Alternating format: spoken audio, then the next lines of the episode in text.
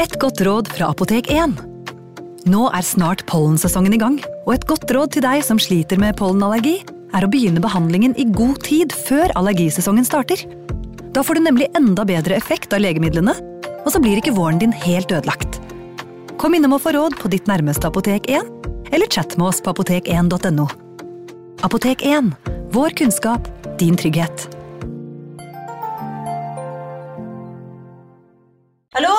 Jeg kommer fra Oslo politikammer. Ine Jansen er purk. Er du purk? The motherfucking bitch. Alt jeg vil, er å finne ut hva som skjedde med mannen min. Jon Carew. Er jeg sikta for noe? Iben Akeli. Det er du. Ole So, Lars Berrum og Big Daddy Karsten. Hvem sin side er du på, egentlig? Anette Hoff, Tone Danielsen, Kommer du fra Afrika? Jørnis Josef, Nesten. Kløfta. Trond Espen Seim, Det er synd å si det, men det var feil mann som døde. Purk.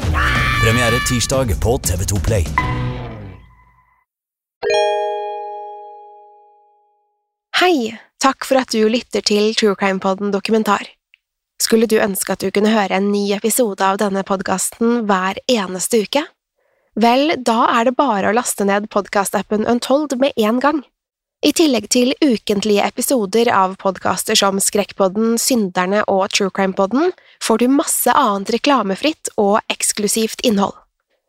Last ned Untold i AppStore eller Google Play, og start din 30 dagers prøveperiode i dag. you.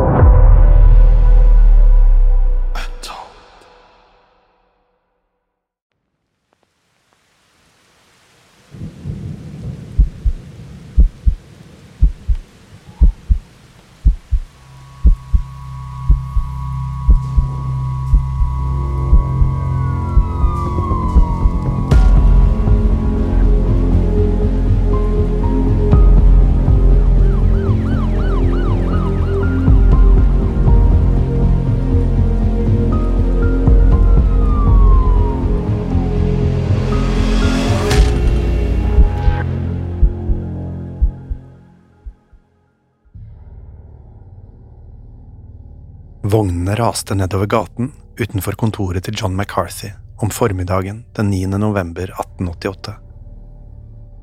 Bråket gjorde det vanskelig for ham å konsentrere seg om arbeidet sitt, men han var vant til alt styret i Dorset Street på dagtid, så det plaget ham ikke voldsomt. Hele formiddagen hadde han sittet med regnskapet for Millers Court, losjihuset han eide og drev i bakgården sin.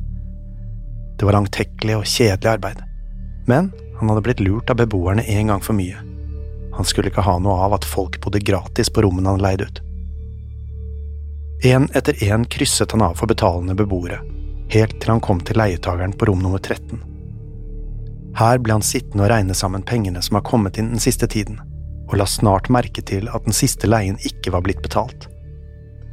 Han stusset litt over dette, for Mary Jane Kelly, som bodde i nummer 13, pleide å være nøye med betalingen. Både hun og McCarthy visste hva som kunne skje om hun ikke hadde et rom for natten. Det hadde blitt urovekkende klart den siste tiden, etter at Whitechapel hadde vært åsted for flere grusomme drap på kvinner i hennes yrke. For å være sikker så McCarthy gjennom regnskapet en gang til, men det var tydelig at den siste innbetalingen ikke hadde kommet. McCarthy sendte straks assistenten sin, Thomas Boyer, ut for å høre med leieboeren hvor det var blitt av pengene. Fra McCarthys kontor behøvde Boyer kun å ta en knapp sving til venstre ut døren og inn et trangt smug for å komme frem til rommene. Rom nummer 13 var det første på høyre side, og resten av rommene lå videre innover smuget. Boyer banket bestemt på døren til nummer 13, men fikk ikke noe svar. Han banket igjen, litt hardere denne gangen, samtidig som han ropte på Mary Jane Kelly. Heller ikke denne gangen hørte han noe fra innsiden av døren. Han kikket ned, og fikk se at det ikke kom lys fra under døren. Enten var ikke leieboeren hjemme, eller så sov hun fremdeles. Til slutt bestemte Boyer seg for å kikke inn gjennom vinduet, som lå like rundt hjørnet, inne i smuget. Men da han kom dit, fikk han se at gardinene var dratt for. Han forsøkte igjen å rope på leieboeren, men fikk fremdeles ikke noe svar. I et siste forsøk på å se om hun var der inne, strakk Boyer armen gjennom en knust seksjon av ruten og trakk gardinen til side. Da han kikket inn, trakk han seg tilbake i frykt og forferdelse. Like innenfor vinduet, Inntil den motsatte veggen sto det en seng. I den lå det et kvinnelik, tilgriset med blod og grusomt mutilert. Jack the Ripper hadde slått til igjen, og denne gangen hadde han overgått seg selv på alle mulige måter. Etter drapene på Elizabeth Stride og Catherine Eddowes natt til den 30. september var det blitt stille i Whitechapel. I alle fall så stille som det kunne bli. Til tross for at det ikke var blitt begått noen nye drap, svermet gatene av bekymrede borgere. Alle var de på alerten for den mystiske morderen Jack the Ripper, som ingen visste hvem var. Gatene var fylt med store politistyrker, og på hvert gatehjørne hang det nå plakater med advarsler om å passe seg for morderen. Folk i Whitechapel hadde til og med begynt å danne egne borgervernsgrupper fordi de mente politiet ikke gjorde en god nok jobb. Frivillige patruljerte gatene til alle døgnets tider, på utkikk etter alt som kunne virke mistenksomt. Hele London hadde fått Ripper-feber, spesielt etter at politiet publiserte et brev med tittelen Kjære sjef. Brevet ble reprodusert og trykket på store plakater som hang over hele byen, fra Whitechapel i øst til Westminster i vest. I tillegg ble brevet trykket i alle byens aviser. Alle kjente til brevet og navnet Jack the Ripper som avsenderen hadde gitt seg selv. Håpet var at noen der ute skulle gjenkjenne håndskriften i brevet, og dermed identifisere avsenderen. Men resultatet var et helt annet enn politiet hadde forutsett. I stedet inspirerte det spøkefugler fra hele byen til å sende falske brev til politiet og pressen. I hvert eneste brev ble navnet Jack the Ripper brukt, og politiet hadde sitt svare strev med å undersøke dem. Nettopp fordi det var en sjanse for at noen av brevene kunne komme fra den virkelige morderen, ble politiet nødt til å gå gjennom alle sammen. Enormt med tid og ressurser ble lagt inn i arbeidet, noe som distraherte politiet fra å gjøre den virkelige jobben sin. Mens etterforskerne hadde hendene fulle med å undersøke de hundrevis av brevene som rant inn, begynte politistyrker i East End å arbeide praktisk med å avsløre morderen. Den 13. oktober startet et omfattende søk i samtlige hus og leiligheter på østkanten. De endevendte hele bygninger. De lette under senger og i alle skuffer og skap, og avhørte hundrevis av personer. I tillegg undersøkte de hver kniv de kom over for å finne den som hadde tatt livet av kvinnene. Alt i håp om å finne noe som kunne lede til Jack the Ripper. Men ingenting kom ut av søkene, og morderen forble et mysterium. Samtidig fortsatte strømmen av falske brev å frustrere etterforskerne. Det var ingen av dem som så ut til å være genuine, og det hele virket som et forferdelig tidssløseri. Men så skulle det dukke opp et brev som var helt ulikt noen av de andre politiet hadde undersøkt. Brevet var ikke engang blitt sendt til politiet, men til lederen for en av borgervernsgruppene i Whitechapel, George Lusk. Lusk hadde ansvaret for Whitechapel Vigilance Committee, som var en av gruppene som passet på gatene på nattestid. Da han mottok brevet om kvelden den 16. oktober, fulgte det med en liten rektangulær pakke, og begge var adressert til ham. Brevet var skrevet med rødt blekk, akkurat som Kjære sjef-brevet og Så si Jack-postkortet. Likevel var håndskriften en helt annen. Denne var ikke pen og snirklete, men rotete og skjev. Brevet var også full av skrivefeil og dårlig tegnsetting, men budskapet var likevel helt tydelig. Fra helvete. Mr. Lusk. Sir. Jeg sender deg halve nyren som jeg tok fra en av kvinnene preserverte den for deg. Den andre halvdelen stekte jeg og spiste jeg. Den var veldig god. Kanskje sender jeg deg den blodige kniven som skar den ut også, om du bare venter litt lenger. Signert Ta meg om du kan, Mr. Lask. Etter å ha lest brevet åpnet Lask pakken og fikk se at den virkelig inneholdt halvparten av en nyre. Og ikke bare det. Da den ble undersøkt, viste det seg å stamme fra et menneske. Lask viste fram nyren og brevet til resten av medlemmene i borgervernsgruppen, og de ble enige om å levere begge til politiet. Jack the Rippers forrige offer, Catherine Eddowes, hadde nettopp fått nyren skåret ut. Kunne dette virkelig være det som var igjen av den? Med datidens teknologi var det umulig å si med absolutt sikkerhet at nyren hadde kommet fra Eddowes. Likevel var det flere rettsmedisinere som mente at det var stor sannsynlighet for nettopp det. Men nok et spor som muligens kunne stamme fra den ukjente morderen, fylte politiet gatene i Whitechapel. Betjenter fra hele London ble stasjonert på østkanten, og omtrent annenhver person man møtte på gaten, var en politibetjent. Etterforskerne var sikre på at brevet og pakken var et tegn på at det snart ville bli begått enda et drap. Det var bare et spørsmål om når og hvor. Men dagene gikk, og ingenting skjedde. Oktober ble til november, og folk i Whitechapel lot skuldrene synke. Det kunne virke som marerittet endelig var over. Men sannheten var at Jack the Ripper ikke var ferdig med arbeidet sitt ennå. Han hadde én siste jobb, og denne skulle vise seg å bli den mest makabre av dem alle. Da enda et kvinnelik ble oppdaget i Millers Court, ble åstedet straks fylt av politibetjenter, rettsmedisinere og etterforskere. Det var bare ett problem. Døren til rom nummer 13 var låst. Betjentene forsøkte å få tak i en nøkkel fra John McCarthy på kontoret, men han hadde ingen ekstra nøkkel. Til slutt ble politiet nødt til å bryte opp døren med en hakke. Det etterforskerne fant inne på rom nummer 13, var intet mindre enn et mareritt uten like. Flere ble til og med nødt til å forlate eiendommen fordi de ikke klarte å håndtere det forferdelige synet som møtte dem der inne. Det ble beskrevet som djevelens verk, og ingen kunne forestille seg at noe som dette var blitt utført av et menneske. Kvinnen i sengen lå på ryggen, med bena spredt i hver sin retning, den høyre armen hennes lå ned langs siden, mens den andre var lagt over midjen hennes. Ifølge etterforskerne på stedet var hun blitt kuttet i stykker. Hver eneste kroppsdel hadde blitt mutilert på det aller groveste. Ansiktet hennes var så hakket opp at selv ikke hennes nærmeste ville kjent henne igjen. Leppene, nesen, øyenbrynene og ørene hennes var så godt som skåret av, og det kunne se ut som hun var blitt angrepet i rent raseri. Alt etterforskerne så var blod, kjøtt og ben. Hun var blitt sprettet åpen fra underlivet til brystbenet, og mageregionen var blitt tømt for innvoller.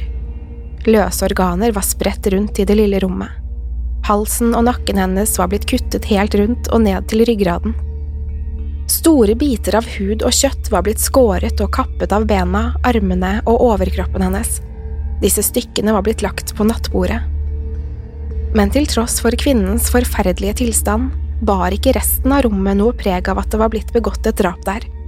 Klær var brettet pent, møbler sto på sin rette plass, og kvinnens sko sto til tørk ved peisen. Det var tydelig at morderen var blitt sluppet inn frivillig. Kvinnen hadde vært komfortabel med personen i rommet, helt til siste slutt. Denne gangen skulle liket identifiseres så godt som umiddelbart. Kvinnen var leieboeren på rom nummer 13, Mary Jane Kelly. Mary var i midten av 20-årene og var dermed det yngste av Jack the Rippers ofre. Så godt som ingenting er kjent om Marys oppvekst og fortid. Detaljene kom kun fra henne selv, og det ble sagt at hun sannsynligvis løy om bakgrunnen sin. Det var ikke engang sikkert at hun virkelig het Mary Jane Kelly. Det ble sagt at hun var født i Irland rundt 1863, og at hun hadde sju søsken. Familien hennes skal ha flyttet fra Irland til Wales da Mary var et lite barn, hvor hun som 16-åring hadde giftet seg med en mann som het Davies. Men tre år senere, da Davies ble drept i en gruveeksplosjon, flyttet Mary til Cardiff. Her skal hun ha bodd sammen med en kusine, som også introduserte henne for prostitusjon. Mary skal ikke ha kommet til London før i 1884, fire år før hun ble et offer for Jack the Ripper. Her ble hun kjent med en fransk kvinne som drev et luksusbordell i Knightsbridge. Mary skal ha fått seg jobb på bordellet, noe som ga henne en komfortabel og stabil tilværelse. Det var også på denne tiden hun begynte å kalle seg Mary Jeanette Kelly, fordi det hørtes mer spennende og eksotisk ut. På et eller annet tidspunkt gikk Mary tom for hell, og ble nødt til å flytte til East End, hvor boligene var billigere. Her begynte hun å drikke ofte og mye, og utviklet etter hvert en alvorlig alkoholavhengighet. Denne skulle hun bære med seg resten av sitt korte liv. Likevel skulle hun finne kjærligheten i Whitechapel. I 1887 møtte hun nemlig en mann som het Joseph Barnett. Joseph solgte fisk på markedet og kunne forsørge både seg selv og Mary. Dermed slapp Mary å selge sex. De flyttet også snart sammen, i Millers Court nummer 13 i Dorset Street. Ifølge de som mente de kjente henne, skal Mary ha vært en svært vakker kvinne. Hun hadde klare, blå øyne og langt, bølgete hår, og skal ha vært svært populær blant kundene da hun arbeidet som prostituert. Men hun var også godt likt blant vennene sine. Hun var alltid vennlig og omgjengelig, og skal ha vært spesielt klok i forhold til andre i hennes samfunnsklasse. Hun var også glad i musikk, og hadde vært veldig god til å synge. Mary og Joseph skal ha hatt det godt sammen den første tiden. Men da Joseph mistet jobben sin og ikke lenger kunne forsørge Mary, ble hun nødt til å ty til prostitusjon igjen. Dette hadde ikke vært spesielt populært hos Joseph, og hadde ført til flere store krangler. Én krangel hadde endt med at en rute ble knust i Millers Court nummer 13. Til slutt hadde ikke Joseph holdt ut lenger, og flyttet i slutten av oktober 1888.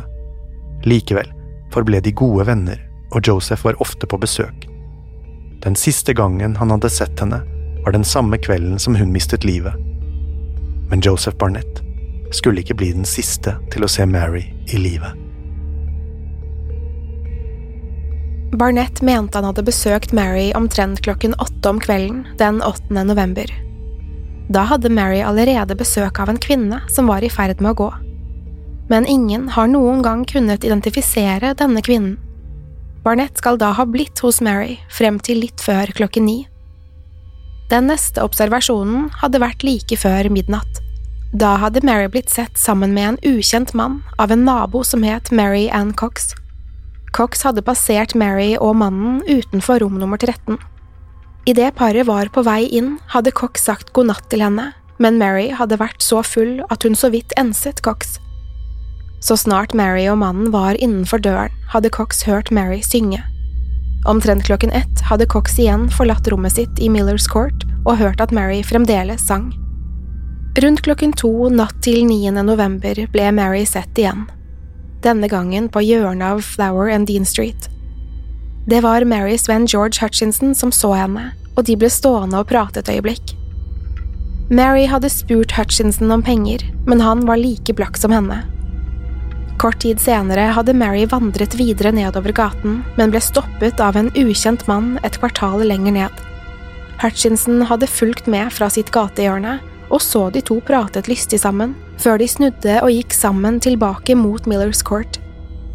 Da de passerte Hutchinson, fikk han se at mannen var pent kledd i en lang, tykk frakk. Han hadde også en fyldig bart og et par hansker i høyre hånd, og en liten pakke i venstre. Hutchinson hadde syntes det hele virket mistenksomt. Derfor hadde han bestemt seg for å skygge Mary og mannen, for å passe på at Mary hadde det bra. Utenfor Millers Court hadde mannen gitt Mary et rødt halstørkle før de gikk inn i nummer 13 sammen. Hutchinson ventet utenfor i Dorset Street i nærmere én time, men verken Mary eller mannen kom ut igjen.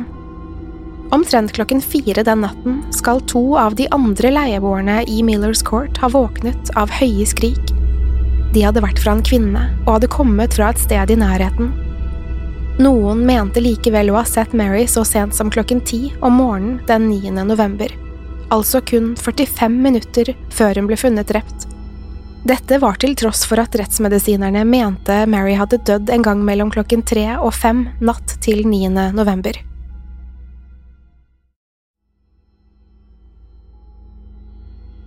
I begynnelsen av etterforskningsfasen kunne ikke politiet skjønne hvorfor morderen plutselig hadde blitt så mye mer brutal enn med de tidligere ofrene.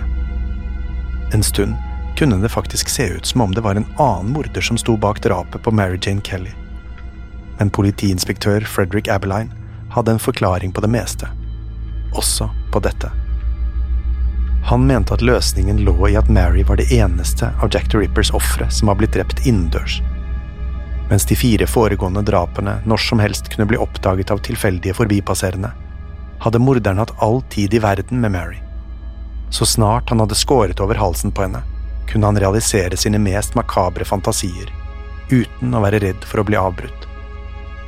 Dermed var ikke politiinspektør Aberline overrasket da Mary Jane Kelly ble Jack the Rippers siste offer. Morderen hadde gjennomført sitt livs mesterverk da han mutilerte Marys kropp.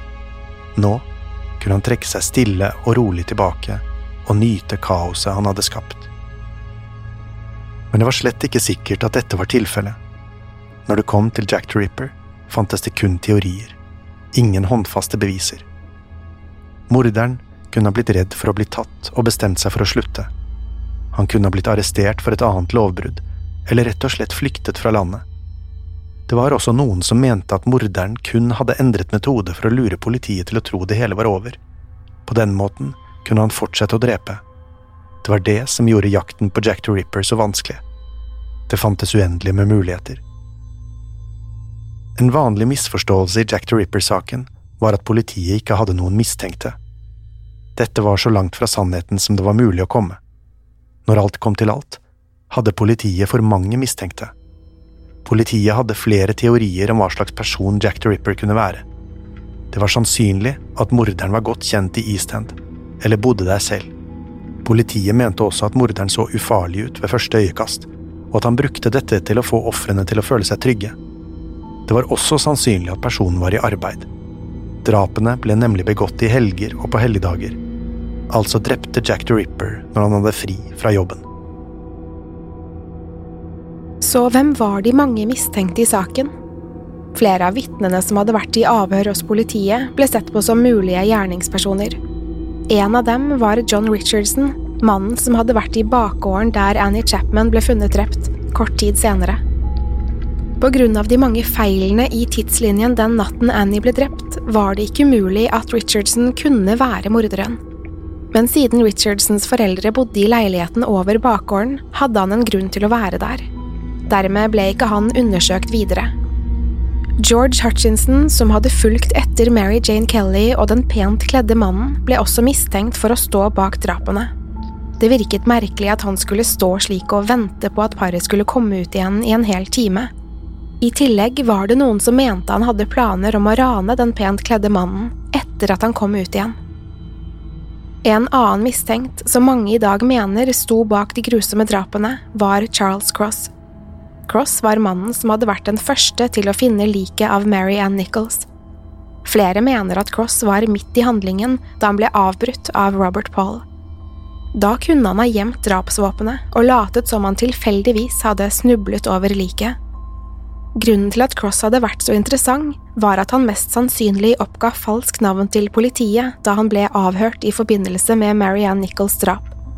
Han hadde sagt at han bodde på en adresse ikke langt fra åstedet, men det viste seg at det ikke bodde noen Charles Cross der. Der bodde det nemlig en mann som het Charles Leshmere. Det var altså sannsynlig at Cross sitt virkelige navn var Leshmere. Det ble også oppdaget at Leshmeres rute til jobb som kjerrefører i byen førte ham forbi de aller fleste av åstedene. I tillegg stemte flere av drapstidspunktene med når Leshmer var på vei til og fra jobb. Han oppga også at han jobbet for et firma som het Pickford som leverte kjøttprodukter. Altså var Leshmer vant til å håndtere kjøtt og blod. Til tross for dette ble Leshmer aldri satt i politiets søkelys den gangen. Det er kun i nyere tid at han er blitt regnet som en av de hovedmistenkte i saken. Mary Jane Kellys kjæreste, Joseph Barnett, var også regnet som mistenkt i saken. De som lener seg på denne teorien, mener at da Barnett mistet jobben på fiskemarkedet sommeren 1888, skjedde det noe med ham. Dette resulterte i at Mary måtte ty til prostitusjon igjen, og Barnett likte dette dårlig. Det fantes derfor en teori om at Barnett bestemte seg for å ta livet av andre prostituerte for å skremme Mary bort fra yrket. Dette ville også forklart hvorfor Mary ble det siste av Jack the Rippers ofre etter at Barnett hadde flyttet ut av Millers Court. Barnett var frustrert over at hun fortsatte å selge sex, og til slutt svartnet det for ham. En annen mistenkt som fikk ny oppmerksomhet i senere tid, var en mentalt ustabil mann fra Whitechapel som het Aaron Kosminski. Han skal senere ha blitt sendt til Lambeth mentalsykehus for behandling.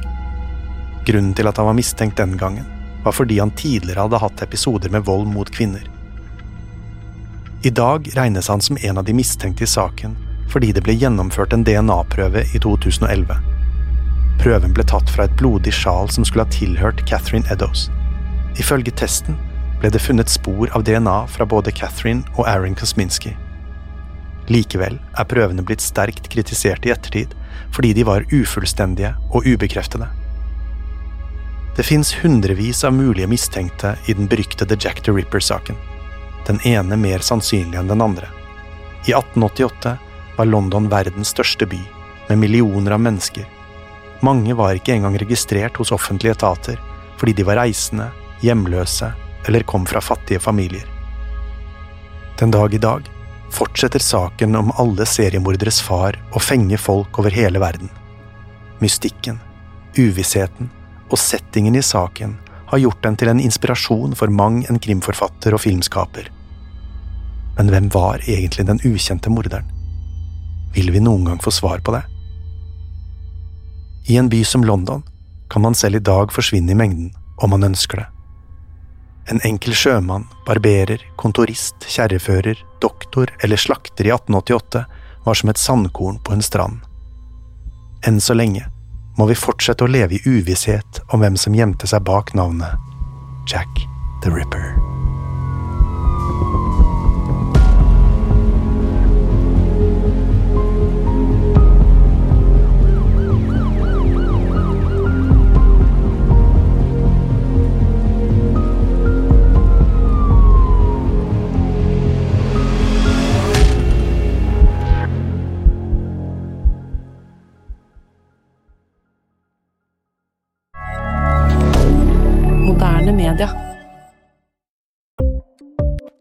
Ukens annonsør er Folio, en smartere banktjeneste for deg som har en egen bedrift eller ønsker å starte for deg selv. Folio er en superenkel nettbank for bedrifter. Som kunde i Folio får du en bedriftskonto med et bedriftskort og app. I denne appen er det smarte løsninger som forenkler regnskapet ditt, uansett om du har en liten bedrift eller et enkeltpersonsforetak. Folio er både intuitivt og brukervennlig, og er laget med et enkelt språk. I tillegg tilbyr de forutsigbare priser og ingen skjulte gebyrer. Skulle du likevel trenge det, så kan du snakke med deres raske og hyggelige kundeservice, og der får du prate med en faktisk person og ikke en chatbot. Folio er med andre ord både enklere og koseligere enn banken. Over 10 000 bedrifter har allerede valgt Folio som sin banktjeneste, så besøk folio.no og se hvordan Folio kan forenkle din hverdag også. Har du et enkeltpersonforetak eller en liten bedrift? Da er du sikkert lei av å høre meg snakke om hvor enkelt det er med kvitteringer og bilag i fiken, så vi eh, gir oss her, vi. Fordi vi liker enkelt. Fiken superenkelt regnskap. Kiwi er billigst i VGs matbørs og har vært billigst i fire av de fem siste VGs matbørser. Og nå presser vi prisene på frukt og grønnsaker. På 200 gram broccolini setter vi prisen til 24,90. På 400 gram Cevita blåbær setter vi prisen til 49,90. Og husk, alle Kiwi Pluss-kunder får i tillegg 15% trumfbonus på all fersk frukt og grønt. For det er vi som er prispresserne. Og vi i Kiwi gir oss aldri på pris.